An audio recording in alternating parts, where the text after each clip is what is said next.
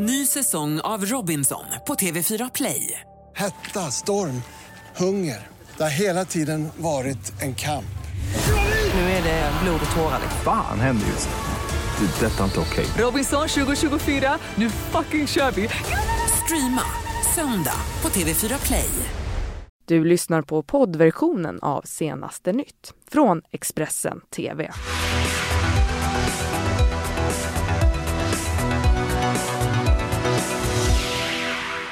Välkomna hit till senaste nytt med mig Karin Bülow Mm, och med mig Ylva Johansson och eh, det här det är morgonens rubriker.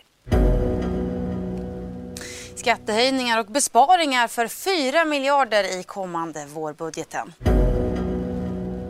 Stridigheterna fortsätter i Libyen trots FNs uppmaning till eldupphör.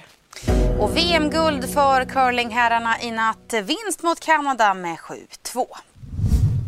Men vi börjar alltså med lite inrikespolitik, Ylva. Och vi konstaterar att regeringen, Centerpartiet och Liberalerna går fram med skattehöjningar och besparingar på sammanlagt minst 4 miljarder kronor i vårändringsbudgeten som alltså presenteras i övermorgon onsdag.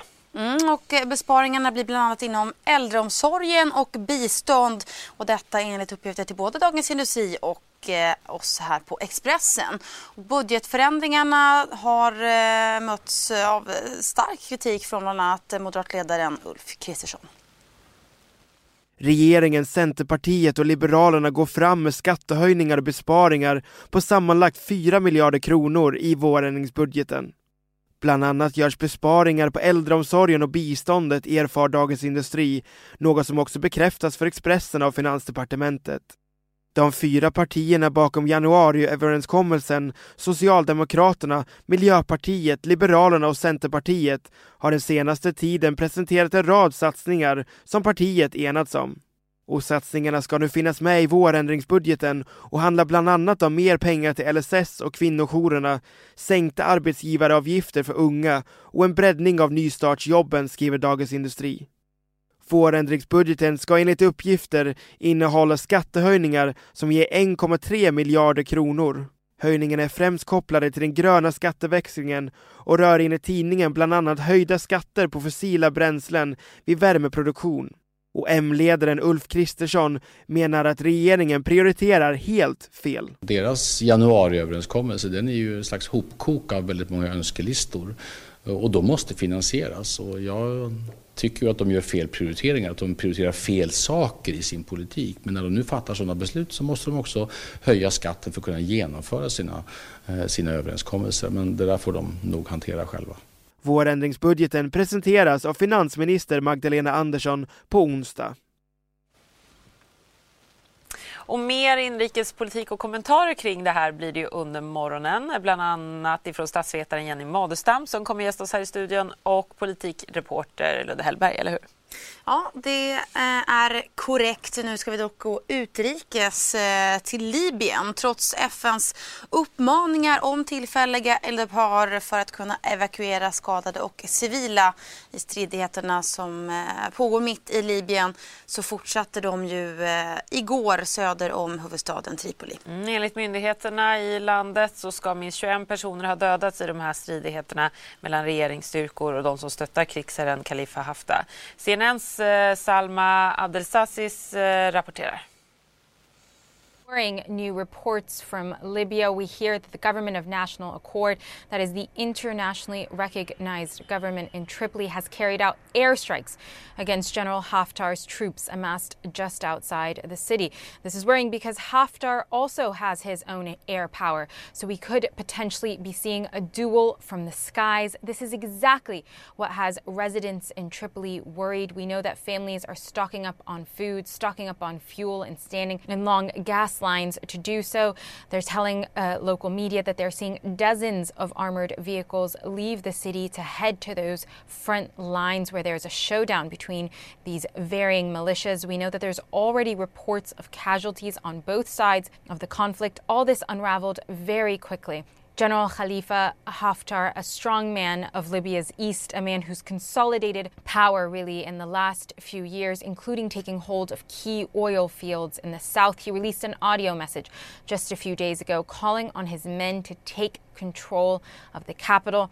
They launched a multi front offensive on Tripoli. This while the UN Secretary General Antonio Guterres was actually in Tripoli. He found himself caught in the middle rushed to the east of the country to speak to General Haftar to try to slow down these tensions. He simply was not successful, and in the past couple of days, there have been clashes on that city as Haftar's troops attempt to advance. Now, the UN, for its part, said that talks scheduled for later this month will continue as planned. The UN Special Envoy to Libya acknowledged it was difficult under these circumstances, but said, We will not give up. Ja, liten analys där ifrån vår partnerkanal CNNs reporter alltså.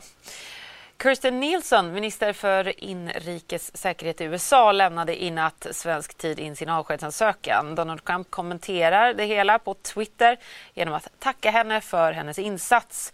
Men det är dock enligt flera amerikanska medier oklart om hon lämnade sin post frivilligt. Mm, enligt CBS News har det länge spekulerats kring Nielsens avgång då Trump kommit med allt fler frustrerande uttalanden om USAs immigrationsnivåer. Något som Nielsen haft som försvarsområde. Och eh, med det så stannar vi kvar i USA eh, där en av dem som tävlar för att bli Demokraternas nästa presidentkandidat eh, mycket väl kan bli 2020 års svar på Barack Obama, eller hur? Mm, demokraten Pete Buttigieg har snabbt blivit en kandidat som det talas om i de olika politiska lägren som en oväntad utmanare till Donald Trump.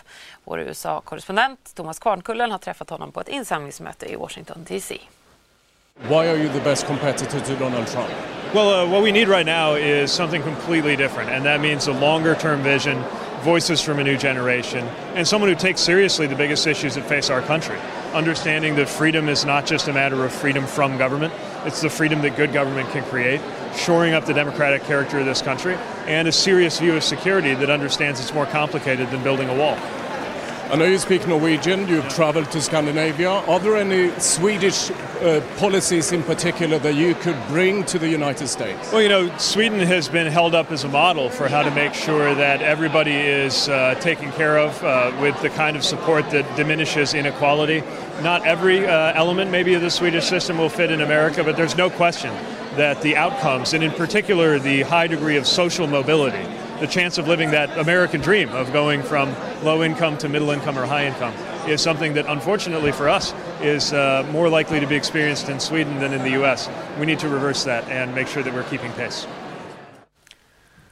Så till den glädjande nyheten om VM-guld till de svenska curlingherrarna i natt.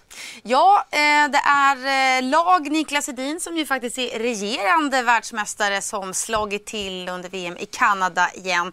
De besegrade hemmanationen, eh, besegrade hemmanationen Kanada med 7-2. Och lagen de följdes åt i, ända till sjunde omgången men sen tog Sverige två respektive tre poäng innan Kanada gav upp.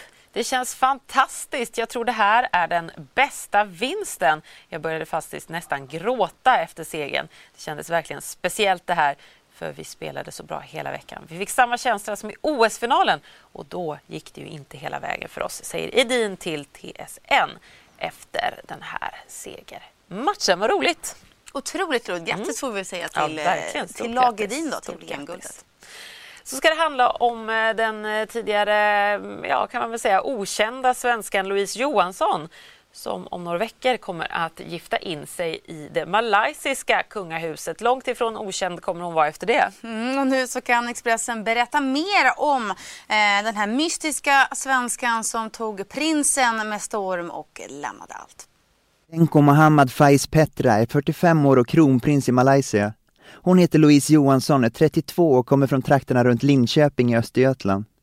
Om bara några veckor gifter de sig på malaysisk mark och nu kan Expressen berätta mer om den omskrivna svenskan som vunnit prinsens hjärta. Louise Johansson gick barn och fritidsprogrammet på gymnasiet och efter studenten lämnade hon hemmet och reste till England för att jobba som au pair. Enligt en före detta skolkompis som Expressen pratat med så var Louise som vilken vanlig människa som helst. En annan tjej som var nära vän med Louise under hennes första år i England heter Ashley och hon har goda minnen av Louise. Det var länge sedan nu men hon var en väldigt härlig tjej, en bra och rolig person säger hon. Kronprins Tenko är bror till sultan Mohammed V, Malaysias förre kung som skapade stora rubriker när han tidigare i år valde att abdikera efter bara två år på tronen. Varför han klev av tronen är oklart, men beskedet kom bara veckor efter att han gift sig med en rysk skönhetsdrottning. Enligt det malaysiska hovet har Louise och kronprins Tenko känt varandra en längre tid. De ska ha träffats när prinsen pluggade utomlands.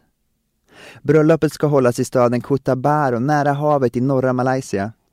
Det uppges bli en privat tillställning med omkring 300 gäster och alla bröllopsgåvor ska skänkas till välgörenhet.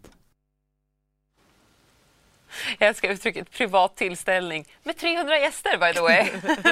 Man tänker så här privat, litet, härligt i någon bungalow. Ja, men i kungliga mått så är så 300 piece of cake. Tycker du det? Ja.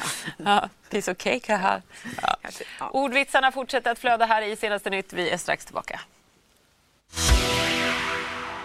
Du har lyssnat på poddversionen av Senaste Nytt från Expressen TV. Ansvarig utgivare är Thomas Mattsson. Ny säsong av Robinson på TV4 Play. Hetta, storm, hunger. Det har hela tiden varit en kamp. Nu är det blod och tårar. Fan händer just det. det detta är inte okej. Okay. Robinson 2024, nu fucking kör vi. Streama söndag på TV4 Play.